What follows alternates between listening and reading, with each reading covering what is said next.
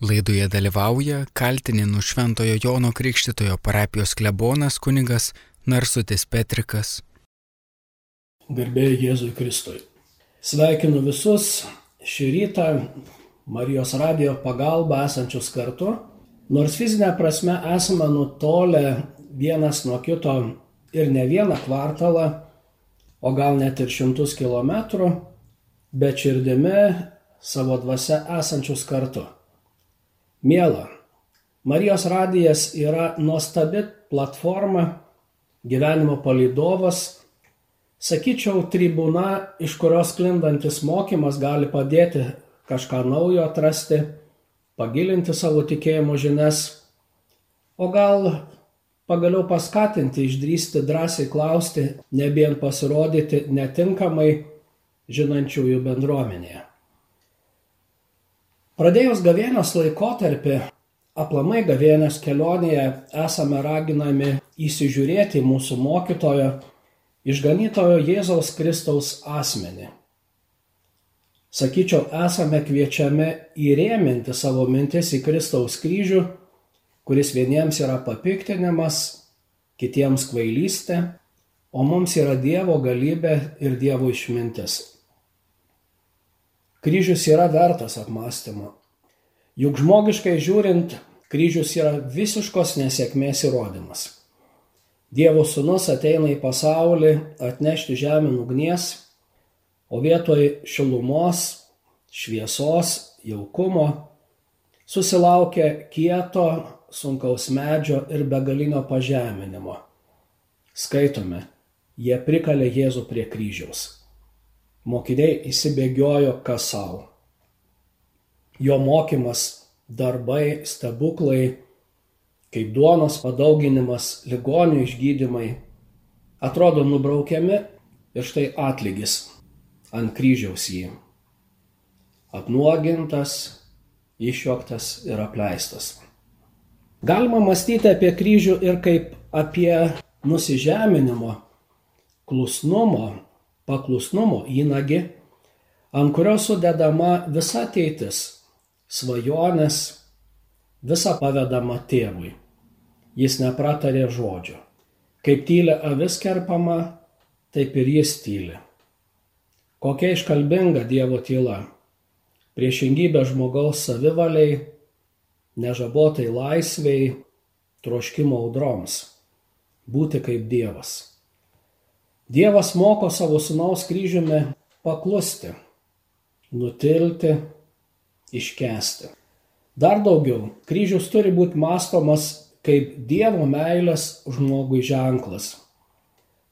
Velykų šlovinime, kuris skamba kiekvienais metais didžiojo šeštadienio liturgijoje gėdama. Išvaduoti vergui atidavėjai sūnų. Koks stiprus įsireiškimas išvaduoti vergui. Nuodėmės varginamam žmogui išlaisvinti aukojimas sunus. Taigi šioje septynių savaičių kelionėje esame raginami sulėtinti kasdienybės pagreitį, pritilti ir nukreipti žvilgsnius ne į puodus, bet į dvasę, įsigilinti ir pajausti, kokią meilę Dievas mus myli kad gali ir nori už mus paukoti savo sūnų. Jono Evangelijos trečiajame skyriuje skaitome. Dievas taip pamilo pasaulį, jog atidavė savo vienatinį sūnų, kad kiekvienas, kuris jį tiki, nepražūtų, bet turėtų amžinai gyvenimą. Ir sūnus liūdija, aš laisvai atiduodu gyvybę, niekas jos iš manęs netima. Apaštalas Paulius laiško filipiečiams antrajame skyriuje skelbė. Jis turėdamas Dievo prigimti, godžiai nesilaikė savo lygybę su Dievu, bet apiplėšė pat save, primdamas tarno išvaizdą ir tapdamas panašus į žmonės. Jis ir išorė tapo kaip visi žmonės. Jis nusižemino, tapdamas klusnus iki mirties, iki kryžiaus mirties Todėl ir Dievas jį išaukštino ir padovanojo jam vardą kilniausiai iš visų vardų, kad Jėzaus vardui priklauptų kiekvienas kelias danguje, žemėje ir po žemę, ir kiekvienos lūpos Dievo tėvo šlovė išpažintų. Jėzus Kristus yra viešpats. Dievas visiškai laisvai aukoja sūnų ir tai jokia prievarta. Tai skamba visiškai priešingai tam, ką mes galėtume įvardyti prievartą, kuris skambėtų, tu privalai tai atlikti, toks yra mano noras, toks mano planas pagaliau, troškimas. Ne. Sūnus laisvai prisėmė žmogaus prigimti, jis apiplėšė pat save, kad tapęs vienu iš mūsų ne tik išgyventų žmogaus egzistencijos tikrovę, nuovargį, pyktį, šaltį, liūdėsi, bet kad taptų draugu, artimu, artimiausiu bendrakeleiviu. Jeigu tėvas ir motina tave užmirštų, aš tavęs neužmiršiu. Girdime šventajame rašte Dievą kreipiantis į žmogų. Aš jūs draugais vadinu, nes jums viską paskelbiau, ką iš savo tėvo girdėjau. Ir kur kas daugiau, jis pasiruošęs numirti už kiekvieną iš mūsų, kad suprastume, kad jo meilė neturi ribų. Meilė žmogui tiesiog trykšta iš Dievo rankų, kaip pavaizduota Dievo gailestingumo paveiksle.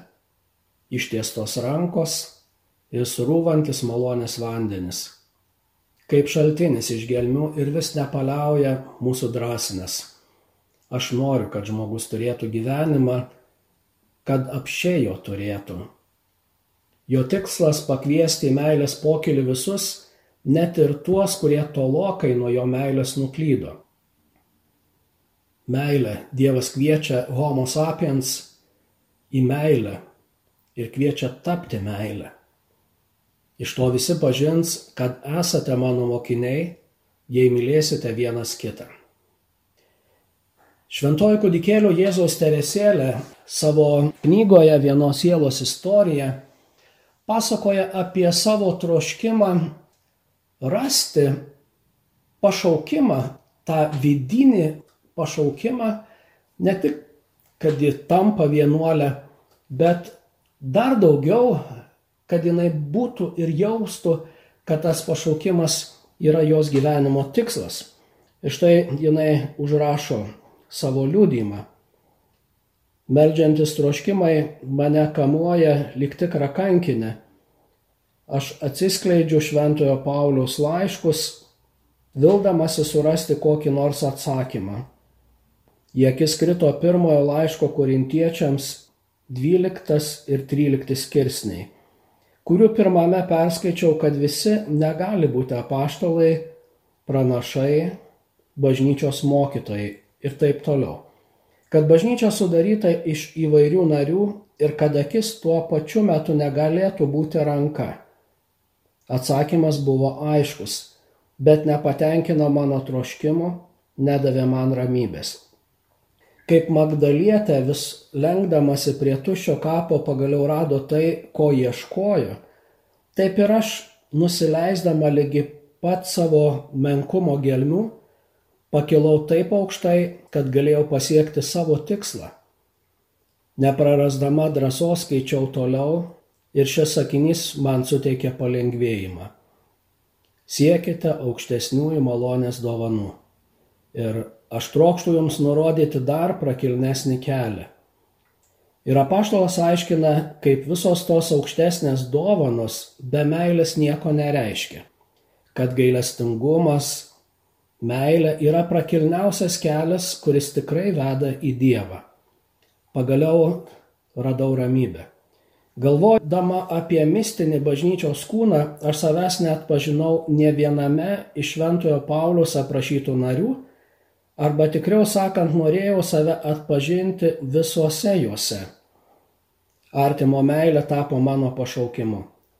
Supratau, kad bažnyčia turi kūną sudarytą iš įvairių narių, bet jam netrūko ir visų būtiniausio, visų kilniausio dalyko. Supratau, kad bažnyčia turi širdį, o toji širdis liepsnoja meilę. Supratau, kad vien meilė skatina veikti bažnyčios narius, kad jeigu meilė užgestų, apaštalai nebeskelbtų Evangelijos, kankiniai atsisakytų lieti savo kraują. Supratau, kad meilė stiprina visus pašaukimus. Meilė yra viskas. Meilė apglėbia visus laikus ir visas vietas. Žodžiu, jinai yra amžina. Tada apsvaigusi iš džiaugsmo pati savo sušokau. O Jėzau, mano meilė, mano pašaukime. Taip, pagaliau aš jį radau.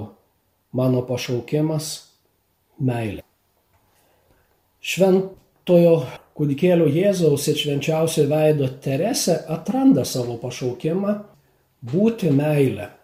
Betgi ne tik ji, kiekvienas iš mūsų tikėjimo bendruomenės narių esame kviečiami atsiliepti Dievo meilę, kviečiami išgyventi Dievo meilę, auginti meilę ir ją dalintis. Dievas nuolat masto apie meilę, nes jis pats yra meilė. Meilė ne tai, kad mes pamilome Dievą, bet kad jis mus pamilo ir nori pasidalinti tuo džiaugsmu. Evangelijoje pagal Matą 22 skyriuje randame nuostabų Jėzaus palyginimą, kuris kalba apie šeimininko kvietimą. Skaitom. Su dangaus karalyste yra panašiai kaip su karaliumi, kuris kėlė savo sūnų į vestuves. Jis išsiuntė tarnu šaukti pakviestųjų į vestuvių pokylį. Sakykite pakviestiesiems, štai aš surengiau pokylį, mano jaučiai ir penimi veršiai papjauti ir viskas surenkta. Ateikite į vestuves. Bet jie nepanorėjo eiti. Ir mes skaitydami tekstą girdim, kad šitie žmonės pradeda teisintis, kodėl jie negali dalyvauti pokylyje, nes turi labai rimtų savo reikalų. Vienas vedė ir dabar, na tiesiog neturi laiko ir noro rūpintis kitų reikalais, kitas įsigijo žemės ir yra pasiruošęs jai dirbti, dar kitas yra pasiruošęs keliauti į turgų, prekiauti, dar kuris sugalvoja kitą priežastį. Ir visi kaip vienas pareiškia, kad jie patys yra savo svarbus, reikšmingi ir jų rūpešiai yra patys pačiausi. Kažkaip labai panašu į daugelio mūsų atsakymus. Kartais, kai paklausi, kodėl tavęs nematau šventose mišiuose, kodėl nesilankai tikinčiųjų bendruomenėje, išgirstam panašų atsakymą. Neturiu laiko. Vis bėgu ir bėgu. Dar daugiau kartais nustembi, kada žmogus sako, šventos mišios aukojamos mano parapijoje nelaiku. Nes tuo metu per televiziją kaip tik tuo laiku rodo naudingą laidą. Kažkaip nejaučiu poreikio, polėkio ir taip toliau. Negalime patikėti pakviestųjų elgesiu. Jie neturi laiko karaliui šeimininkui. Toliau skaitom palyginimą. Galop karalius tarė tarnams Vestuvės tiesa surinktos, bet pakviestieji nebuvo verti. Tad eikite į kryškelės ir ką tik rasite, kvieskite į vestuves. Tie tarnai išėjo į kelius ir surinko visus, ką tik sutiko - blogus ir gerus. Vestuvių menė buvo pilna sėdinčių už stalo. Susirenka minė klegančių, patenkintų žmonių, jie yra pakviesti jie pokylyje. Neįtikėtina, bet tai tikrovė, jie yra vestuvių pokylio svečiai ir gali apšiai vaišintis, bendrauti, klausytis, klausti, pagaliau būti. Kažką panašaus yra tekę girdėti iš vienos parapietės, kuri, kiek žinau, jau yra amžinojo tėvo namuose. Ir štai istorija, pradėjus tarnystę vienoje parapijoje, greičiausiai antraisiais metais, nes pirmaisiais metais lankant e, bendruomenę jos neradau namuose.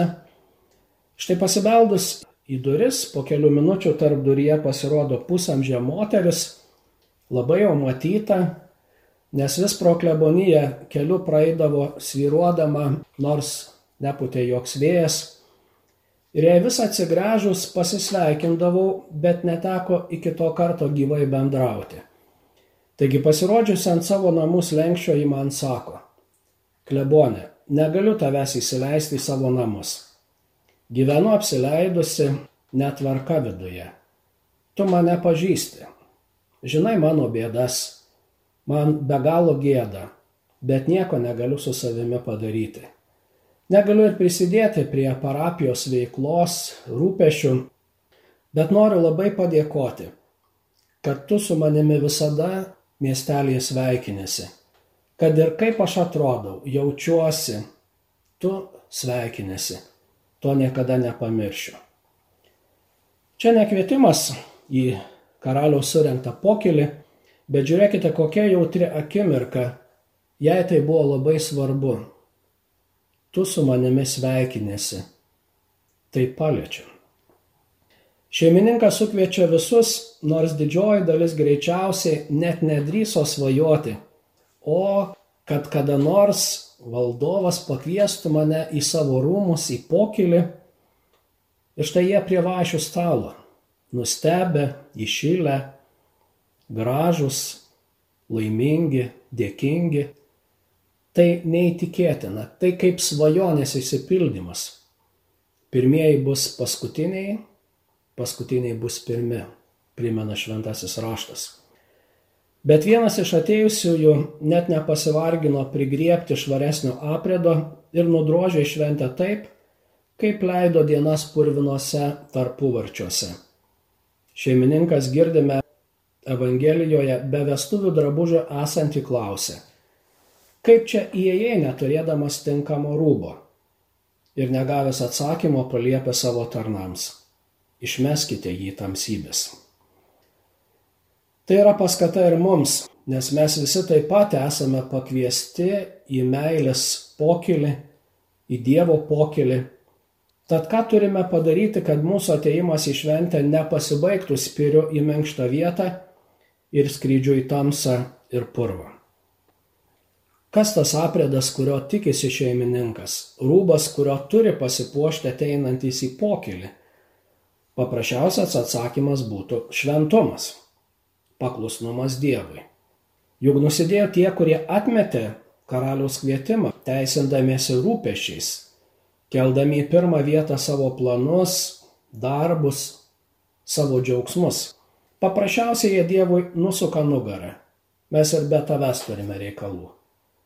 Ir tas žmogelis atėjęs į pokylį be vestuvių puotai tinkamo aprėdo, savo elgesiu sako irgi kažką panašaus. Kad na taip, paklusau, kad jau liepia, bet tikrai dėl kažkokio pokylio nesivarginsiu praustis, ieškoti geresnio rūbo, tiks ir taip. Galiu švęsti bet kaip, bet neišeina. Dievo logika yra kitokia. Švęsti reiškia būti pasiruošusiam. Kaip neišgirsti pirmojo nuopolio aido? Nepaklusiu, valgysiu, būsiu pats Dievas. Tačiau šventraštis sako, niekas nesuteptas ten neįeis.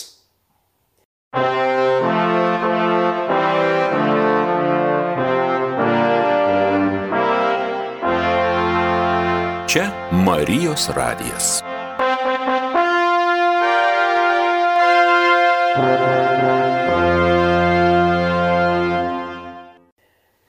Dievas viską mums suteikė, davė apšiai savo malonės, papjovė jaučius, išpošė erdvę, paruošė skaniausią maistą, davė nurodymų, kaip turime gyventi, kad galėtume su atvira širdimi švęsti džiaugsmo pokylį. Senajame testamente išeimo knygoje skaitome stiprią istoriją pakeitusią išrinktosios tautos gyvenimą. Iš vergyjos į laisvę, iš priespaudos į pažadėtąją žemę. Dievas stebuklingais ženklais ir galingais darbais išveda išrinktąją tautą iš Egipto vergyjos ir ant kalno duoda dešimt įsakymų. Galėtume sakyti, Dievo tauta gauna gyvenimo konstituciją - dešimt žodžių.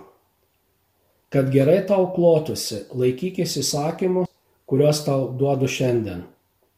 Kad gyventum, kad tau sektus, turi laikytis šių įsakymų. Tai yra mano žodžiai, jų laikykitės ir gyvensite. Iš tikrųjų yra labai svarbu kūriniui girdėti, ką norėjo matyti jo kurėjas, jo veidą, jo gyvenime, jame pačiame. Laikytis Dievo įsakymų yra tiesiausias kelias į dangų. Evangelijoje girdime, kaip vienas atėjusių pas Jėzų klausė, mokytojo, ką turiu daryti, kad laimėčiau amžiną į gyvenimą. Ir Jėzus atsakydamas jam, sakytume, pakartoja dekalogą. Gerb savo tėvą ir motiną, nežudyk, nepaleistuvauk, mylėk Dievą visą širdimi, mylėk kiekvieną žmogų taip kaip save. Taigi, kad galėtume pasiekti dangaus pokylį, mums reikia laikytis Dievo įsakymų, stengtis bendradarbiauti su dangumi, nors pripažinkim, kad ne visada mums tai pasiseka, nes mumise gaji nuodėme, kuri traukia mus į klaidą, į tamsą, šaltį, vienatvę. Tai visiems žmonėms bendra.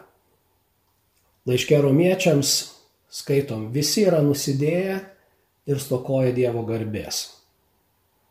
Apaštalas Paulius tame pačiame laiške romiečiams septintajame skyriuje kalba. Mes žinome, kad įstatymas yra dvasiškas, o aš esu kūniškas, parduotas nuodėmės valdžion. Aš net neišmanau, ką daras, nes darau ne tai, ko noriu, bet tai, ko nekenčiu. O jei darau tai, ko nenoriu, tuomet pripažįstu, jog įstatymas geras tada jau nebe aš tai darau, bet manyje gyvenanti nuodėme. Aš žinau, kad manyje, tai yra mano kūnė, negyvena gėris. Mat aš sugebu gero trokšto padaryti ne. Aš nedarau gėrio, kurio trokštų, o darau blogį, kurio nenoriu. O jeigu darau, ko nenoriu, tada nebe aš tai įvykdau, bet manie gyvenanti nuodėme. Taigi aš randu tokį įstatymą, kad kai trokštų padaryti gerą, prie manęs prilimpa blogą. Juk kaip vidinis žmogus aš žaviuosi Dievo įstatymu. Dėja savo kūno nariuose jaučiu kitą įstatymą, kovojantį su mano proto įstatymu. Jis paverčia mane be laisvių nuodėmės įstatymo, glūdinčio mano nariuose. Vargšas aš žmogus. Kas mane išvaduos iš šito mirtingo kūno? bet ačiū Dievui per mūsų viešpatį Jėzų Kristų. Taigi aš pats protu tarnauju Dievo įstatymui, o kūnu nuodėmės įstatymui. Manyje gyvena nuodėmė. Nuodėmė yra mūsų gyvenimo dalis - netobulumai, klaidos, įpročiai. Juk lengviau plaukti pasroviui, negu kovoti su putojančia jūra ir bandyti nugalėti stichijos šėlsmą pažeisdami Dievo įsakymus, bažnyčios įsakymus, elgdamiesi netvarkingai, tai yra vergaudami, kuriai iš septynių didžiųjų nuodėmių mes nusidedame. Šias nuodėmės įvardinkime asmeninėmis. Žmogus pats sąmoningai suprasdamas, laisvai apsisprendžia ir daro blogą. Nuodėmės, kaip žinom, yra sunkios ir lengvos. Nors kartais tenka pajausti, kad mes labai tolstame nuo nuodėmės supratimo. Būna, kad einantis iš pažinties, sakykime, po pusės metų, nebesako ir nebesivargina, kad nesilanko sekmadieniai šventuose mišiuose, o paklausus, kodėl, juk tai ne rekomendacija, tai yra įsakymas, galima išgirsti įvairiausių pasiaiškinimų. Sakyčiau ir vėl girdim palyginimo žodį neturiu laiko. Atrodo, gyvenam laike, kai nuodėmė suvokimas nyksta ir trinama riba tarp gėrio ir blogio. Betgi mums žinoma, egzistuoja dar viena nuodėmė, kuri yra daugiau ne pats veiksmas, o jau būsena, kuri vadinama gimtaja nuodėmė, kurią šiek tiek šioje katekezėje paliesime kuri yra panaikinama Krikšto sakramento metu. Gimtosios nuodėmės tema yra nemenkų ginčių laukas, dėl kurios diskutuoja teologai, rašto žinovai.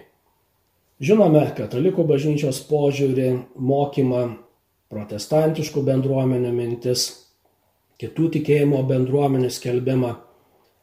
Kartais mintis kardinaliai skiriasi vienų nuo kitų.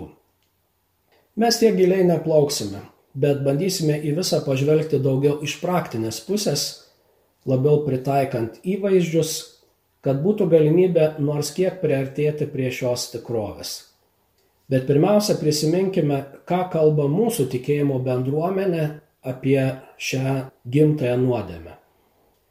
Katalikų bažnyčios katekizmas, kuris yra suskirstytas į keturias dalis - kredo, šventoji liturgija, krikščioniškoji elgsena pagal įsakymus ir ketvirtoji krikščioniškoji malda. Taigi pirmoje dalyje, kurioje kalbama apie mūsų tikėjimą, gilinamasi į tikėjimą, randame skirelį pavadinimu Gimtoji nuodėmė. Visos skyriaus ištisai neverta čia skaityti, tačiau dalį, kas yra katekizmo užrašyta, verta prisiminti. Cituoju. Dievas sukūrė žmogų pagal savo paveikslą ir dovanojo jam savo bičiulystę. Kaip įdvasinta būtybė, žmogus gali gyventi šią bičiulystę tik laisvai paklusdamas Dievui. Tai išreiškia draudimą žmogui valgyti nuo gero bei pikto pažinimo medžio, nes kai tik nuo jo užvalgysi, turėsi mirti. Šis gero bei pikto pažinimo medis simboliškai primena neperžengiamą ribą, kurią žmogus kaip kūrinys privalo laisvai pripažinti ir su pasitikėjimu ją gerbti. Žmogus priklauso nuo kurėjo. Jis yra pavaldus kūrinijos dėsniams ir privalo laikytis moralinių normų, kurios nustato naudojimąsi laisvę. Dar nugundomas žmogus numarino savo širdie pasitikėjimą kurėjo ir piknaudžiaudamas laisvę nepakluso Dievo įsakymui. Tai ir buvo pirmoji žmogaus nuodėmė. Ir visos kitos nuodėmės esti neklusnumas Dievui ir nepasitikėjimas jo gerumu. Visi žmonės yra įtraukti į Adomo nuodėmę. Šventasis Paulius tvirtina, vieno žmogaus neklusnumu daugelis tapo nusidėjėliais. Todėl kai per vieną žmogų nuodėmė įėjo į pasaulį, o per nuodėmę mirtis, taip mirtis prasiskverbė į visus žmonės, nes visi nusidėjo. Kaip Adomo nuodėmė tapo visų jo palikonių nuodėmė. Visa žmonija Adome yra kaip vienas vieno žmogaus kūnas. Dėl tos žmonijos vienybės visi žmonės yra įtraukti į Adomo nuodėmę, kaip ir visi įjungti į Kristaus teisumą.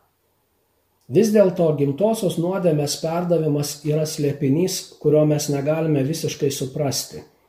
Bet iš apreiškimo žinome, kad Adomas pirmą pradė šventumą ir teisumą buvo gavęs ne vien savo, bet visai žmonijos prigimčiai, visai žmogaus prigimčiai Paklusdamas gundytojui, Adomas ir Jėva nusidėjo asmeniškai, tačiau ta nuodėmė palėtė žmogaus prigimti, kurią jis perduos palikonėms, būdami nupuolę. Tai nuodėmė, kuri per gimdymą bus perduota visai žmonijai, perduotant pirmą pradžio šventumo ir teisumo netekusią žmogišką prigimtį. Todėl gimtuoji nuodėmė vadinama nuodėmė analoginė prasme. Tai įgyta, o ne padaryta nuodėmė. Būsena, o ne veiksmas. Taigi, peržvelgiam turbūt esminius momentus, ką kalba katalikų bažnyčios katekizmas. Noriu dar pasiūlyti šiek tiek paklausyti bažnyčios tėvų, kurie antro Vatikano susirinkimo metu taip pat kalba apie gimtąją nuodėmę. Pastoracinėje konstitucijoje apie bažnyčią šio laikinėme pasaulyje Gaudium et spes skaitome. Nors žmogus buvo Dievo sukurtas teisus, piktoje suvedžiotas pačioje istorijos pradžioje, jis papiknaudžiavo savo laisvę, sukildamas prieš Dievą ir geisdamas be Dievo pasiekti savo tikslą. Pažinę Dievą žmonės jo kaip Dievo negarbino Jų neišmintingai širdžiai aptemus, jie tarnavo verčiau kūriniui negu kūrėjui. Tai, ką mums atskleidžia Dievo prieiškimas, patvirtina pati patirtis. Juk žvelgdamas į savo širdį, žmogus patiria esas linkęs ir į blogį, pasinėręs į daugelį piktybių, negalinčių kilti šio gerojo kūrėjo. Dažnai atsisakydamas pripažinti Dievo savo pradžią, Jis taip pat suardė deramą ryšį su savo galutiniu tikslu, o draugė ir su visais ir visus santykius su pačiu savimi, su kitais žmonėmis bei visais kitais kūriniais. Žmogus yra savyje suskilęs. Todėl visas žmonių gyvenimas tiek asmeninis, tiek bendruomeninis pasireiškia kova. Dažnai dramatiška tarp gėrio ir blogio tarp šviesos ir tamsybių. Žmogus net pamato savo paties jėgomis neįstengia sėkmingai gintis nuo blogio polimo, todėl kiekvienas jaučiasi tarsi supančiotas. Tačiau pats viešpats atėjo žmogaus išvaduoti ir pastiprinti jį iš vadaus, atnaujindamas ir išmesdamas lauk šio pasaulio kunigaikštį mus laikiusi nuodėmės vergyjoje o nuodėmė nuskurdina patį žmogų, sutrukdydama jam pasiekti pilnatvę. Šio prieškimo šviesoje galutinai paaiškėja tiek žmonių patiriama pašaukimo aukštybė, tiek jos skurdo gelmė.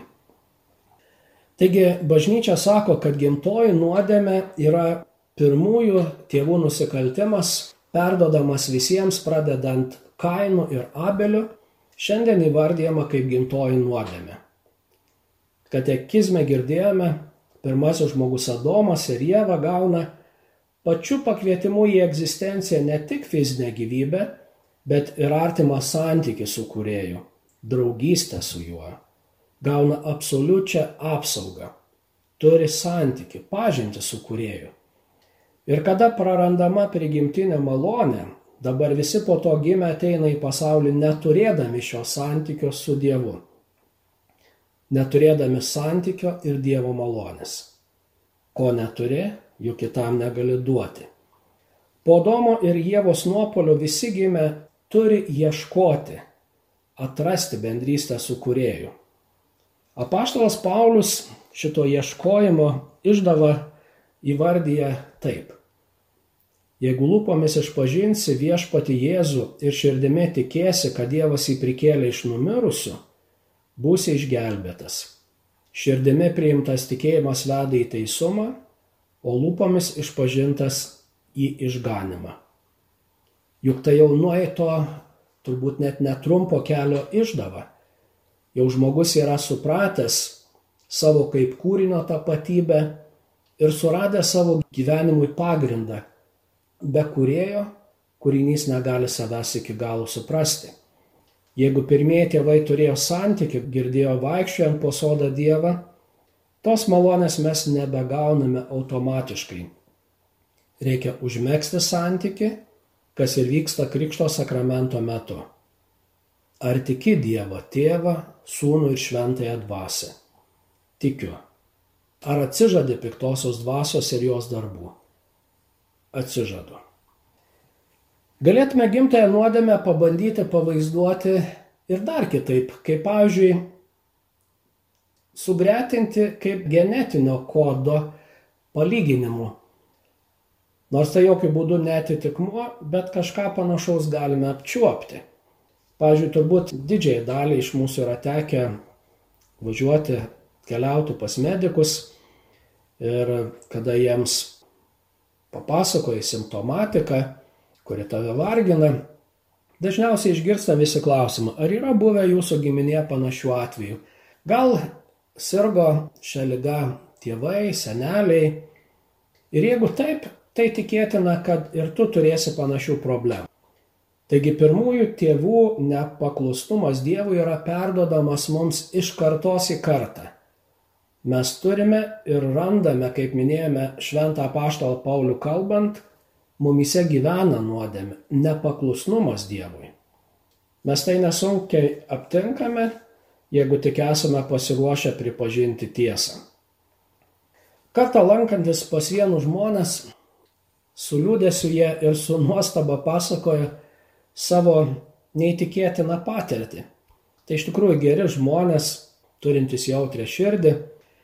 Ir prisiklausę kalbų apie vaikų namus, apie ten tvarką, apie tą liūdėsi, tvyrančią tą atmosferą, nusprendžia, kad pradžiai jie per savo atostogas parsivežtų vaiką, kurį nors vaiką, ir tiesiog pabandytų jaukintis tą jiems nepažinų gyvenimą, o galbūt užsimėgstų artimesnis kontaktas ir jie galėtų tą vaiką įsivaikinti ir užauginti gerų žmogumi. Greičiausiai šiandien to nelabai kas leistų daryti, reikėtų daugybės mokymų, pokalbių, nurodymų, rašytų puslapių, bet seniau tai buvo. Taigi jie sako, kad parsivežėme vieną vaiką, gerai nepamenu, gal kokių keturių ar penkių metų, berots apie tai kalbėjo, ir jie pastebo po keletos dienų, kad dinksta pinigai. Be abejo, jie yra įpratę paprastai viešai pasidėti, neslėpdami niekur savo daiktus. Ir štai jie klausia to vaiko, gal tu matei, gal tiesiog nukrito, gal kur padėjai. Ir jisai sako, nieko nemačiau. Tikrai nieko neliečiau ir atrodo, kad kalba tiesą. Toks tikrumas, kad net nesuabejosi. Bet kadangi ir toliau tie pinigėliai dingdavo, jie sumastė, kad reikia pastebėti savo naująjį draugą, specialiai palieka matomoje vietoje kupiūrą ir žiūri, kas bus. O šis pasilipa ant komodos, paima pinigus Tada atsisėda ant žemės, nusiauna šlepetes. Buvo laikas, kada šlepetės turėdavo tokį pakeltą padą ir jeigu galėtume atimti apačią, tiesiog jas įžodinti, tai pade būdavo tuščia erdmė. Taigi ten jis ir įdeda tuos pinigus, kaip voverė turta žiemo šalčiams. Taigi tas mažas vaikas niekieno nepamokytas jau yra užgimęs sukčius, galima sakyti netgi vagis. Jis tiesiog kaip gamtos instinkto vedamas viežlys judantis link vandens, žino kaip elgtis ir ką daryti duotuoju atveju. Nuodėme nėra nuosprendis. Nieko nebus, jis niekada nepasikeis. Ko norėti iš tokio žmogaus, ko gali iš jo tikėtis? Ne, visi mes galim keistis. Mes turime norėti kasdien būti geresni nei buvome vakar. Gal net išgyvenus nuopolį, jo sukeltą skausmą, mes dar ištingiau atmesime nuodėmės vilionės. Apaštalas Paulius rašo, aš veržiuosi pirmin. Visi esame kviečiami grėžtis į Dievą, nors turime nuodėmės pradmenis. Mumise karts nuo karto suskamba nepaklusnumo būgnai esame kviečiami pasitikėti aukščiausiojo. Mums reikia priimti Dievo kvietimą. Nebijok mano vaikė, grįžk į tėvo namus. Aš myliu tave, tavęs laukiu ir noriu, kad būtum meilė šeimos, Dievo tautos džiaugsmo, vestuvių pokilio dalimi. Katechezė sakė, kaltinenų Švento Jono Krikštitojo parapijos klebonas kunigas Narsutis Petrikas